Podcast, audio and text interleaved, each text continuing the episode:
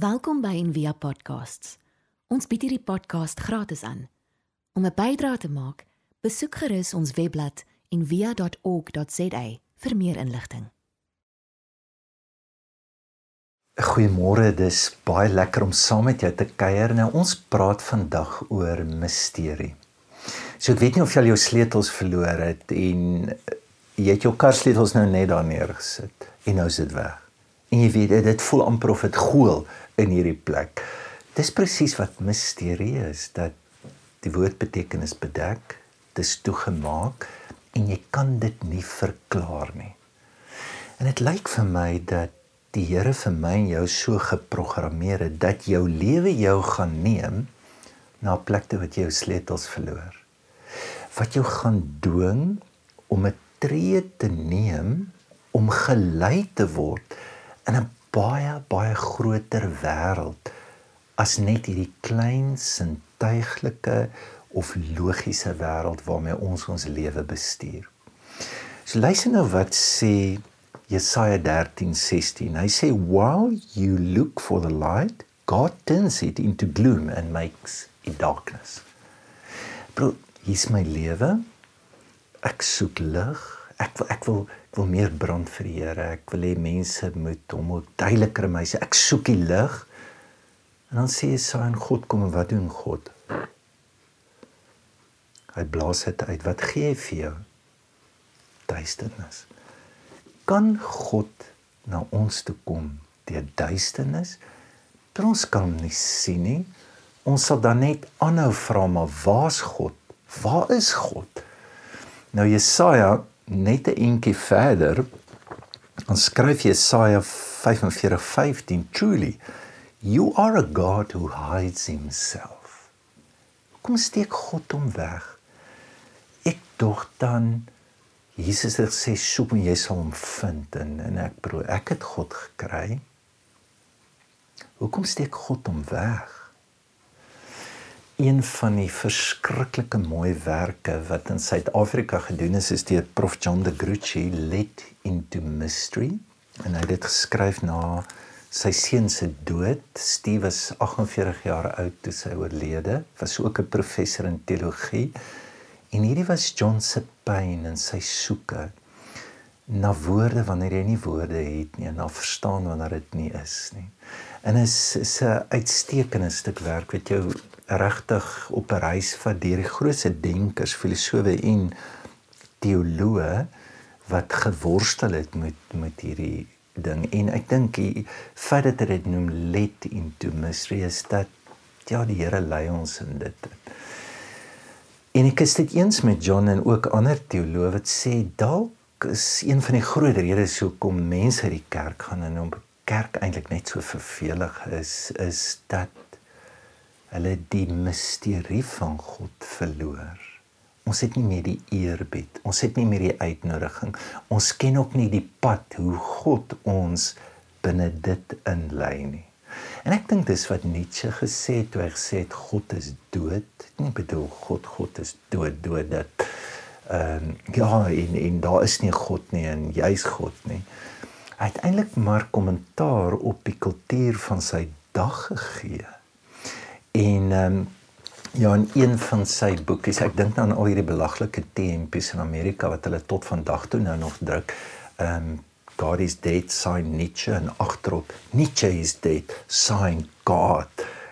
Was nie dit nie. Dis eerder 'n ander hempie wat sê God is dead sign Nietzsche en agterop but we have killed him. Dit was meer Nietzsche. So sy tweede boek waarin hy die stelling maak is The Madman en is 'n storie van 'n ou Hy steek 'n lampie aan, maar hy steek dit helder oor dag in die oggend aan en hy hardloop by mark toe en dan sê hy ek soek God, ek soek God, ek soek God en dan dink die mense hy's mal. Maar dan staan hy op en kyk hulle in die oë en hy sê vir hulle: "Julle het hom doodgemaak en ek het hom doodgemaak." En dan sê hy: "But how did we do this? How could we drink up the sea? Who gave us the sponge to wipe out the entire horizon?" Ek dink as Nietzsche dit moes antwoord dan sê hy sê wie die spons gee die kultuur, die wetenskap. Hy het lont geryk, hy het geweet hy gaan oorloop kom. En in die kerk is selfde debat wat wat verskriklik destruktief was waarvan ons tot vandag toe nog slagoffers is. En dit maar begin met as die aarde plat of rond. Nee, hy's plat want die Bybel sê hy's plat. Is die aarde die middelpunt? Ja, hy is die middelpunt van die planeetstelsel. Hoekom? Want daar was 'n ou wat die son laat stil staan. Dit so die son is buite hom. En die kerk het geskeur en eintlik wat ons gedoen het, ons sê as ek dit nie kan verduidelik nie, as ek dit nie kan verstaan nie, is dit nie God nie. En ons lewe met so dun Bybel, so dun soos papier. Is eintlik vreeslik arrogant wat daardeur sê ons as God nie inpas in my verbeelding en my logika nie, dan is hy nie meer God nie. En dit was nooit so nie. In 2000 in 1215 na Christus is daar iets soos ons sal dit nou maar noem 'n sinode. En hulle praat oor maar hoe moet ons dogma doen? Met ander woorde oor God praat dan sê hulle dit sal altyd onakkuraat wees. En ons praat oor God het meer te doen oor hoe gans anders hy is eerder as wat hy soos ons is. En is is die definisie is, is eintlik is ons probeer of 'n teologies eintlik iemand wat probeer om die minste verkeerd oor God te praat. En Bybelskrywers was bewus van dit. Ehm um, luister wat sê Paulus en Frida en François dit in die liturgie gebruik dat ons harte vertroos mag word. So hulle het ook pyn, hulle verstaan nie. Deurdat dit in die liefde saamgevoeg word, tot die rykdom van volle versekerdheid en insig om wat te doen om die verborgenheid van God te leer ken. Our understanding will be complete sê die engels that they will know the mystery of God. Die woord misterie was baie keer so verduidelik mis, die woord muscle kom daarvandaan. So muscle, spier is onder die vel. Jy moet nie die twee verwar nie. Spier is nie die muscle nie. Inteendeel, jy kan bedrieg word, jy kan mislei word. Moenie iemand takseer op sy vel nie. Die ou kan maar 'n bleek, hy kan 'n bleek siel wees, maar hy kan die wêreldrekord hou in die 800 wees. Want hoekom? Dis wat onder die vel is.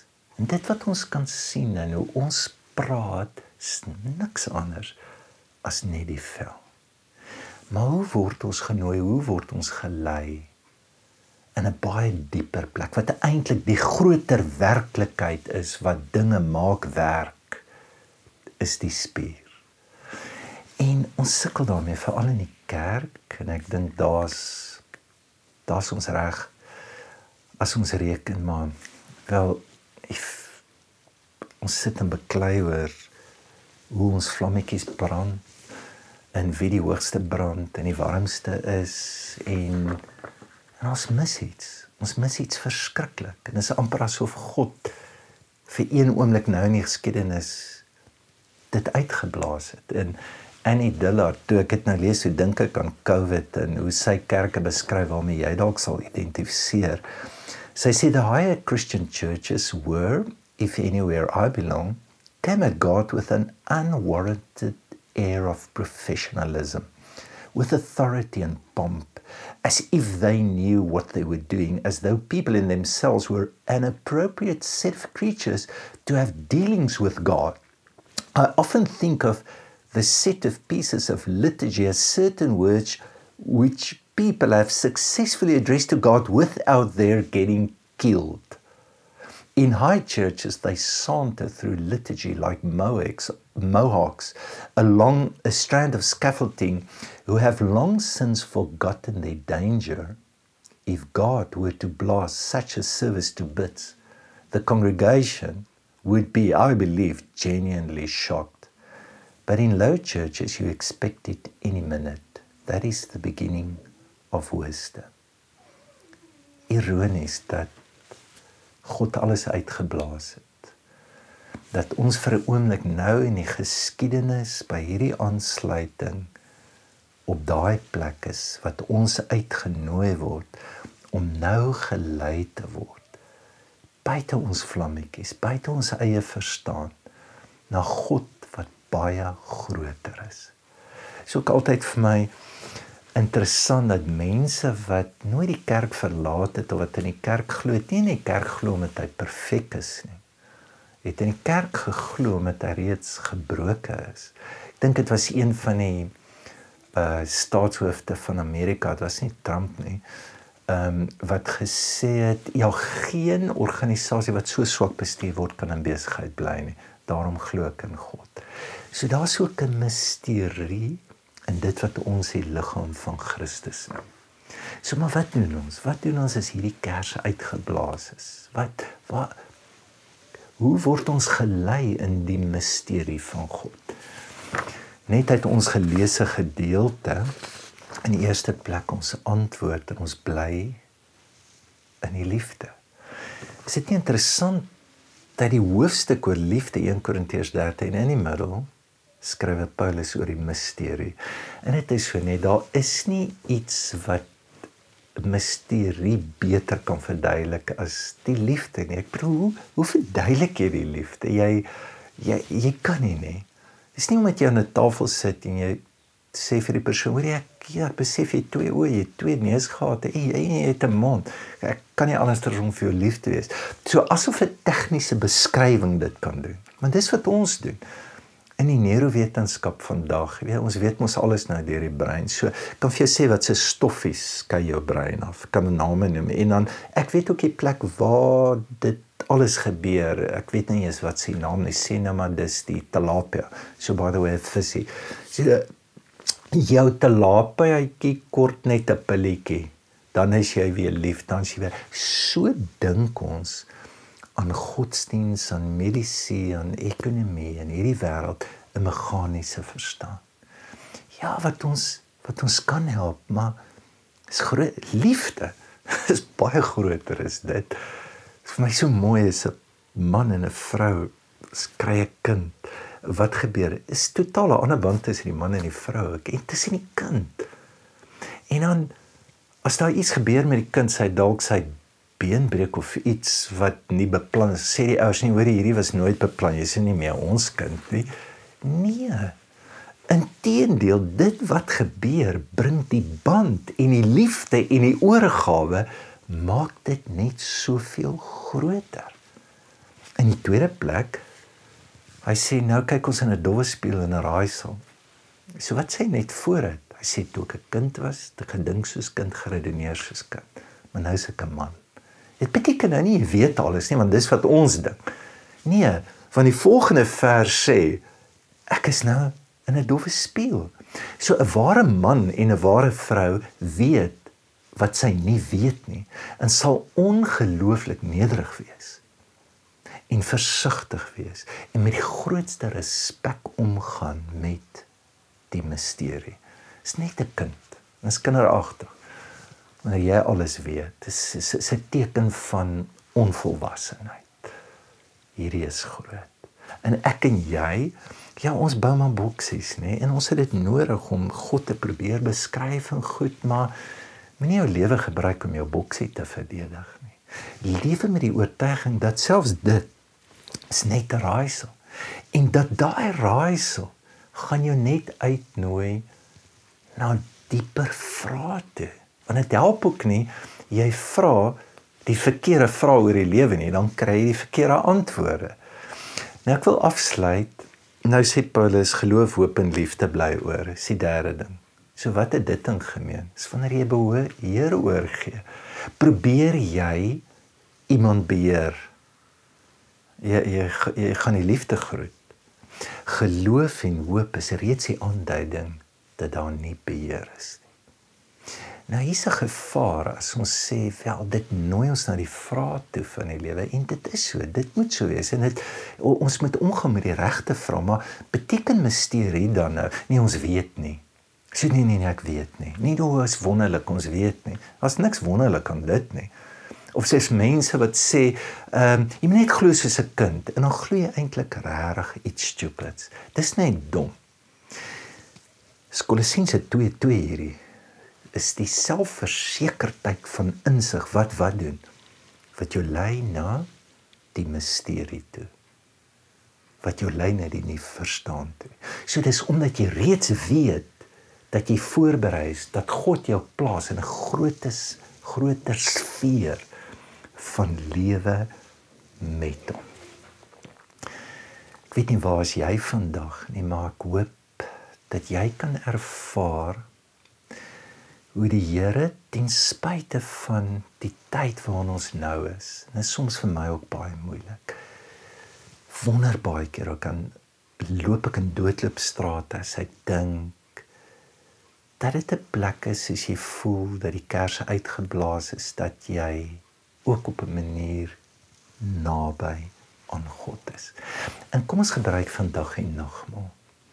En daar is nie mooier simbole wat vir ons die misterie van God verduidelik want dit sê eintlik dat die wyn en dat die brood is sy liggaam en sy bloed.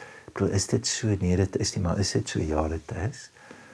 En dat hy teenwoordig is deur die simbole kan ons dit sien nee dit voel soos my sleutels wat weg is. Maar is hy teenwoordig? Ja.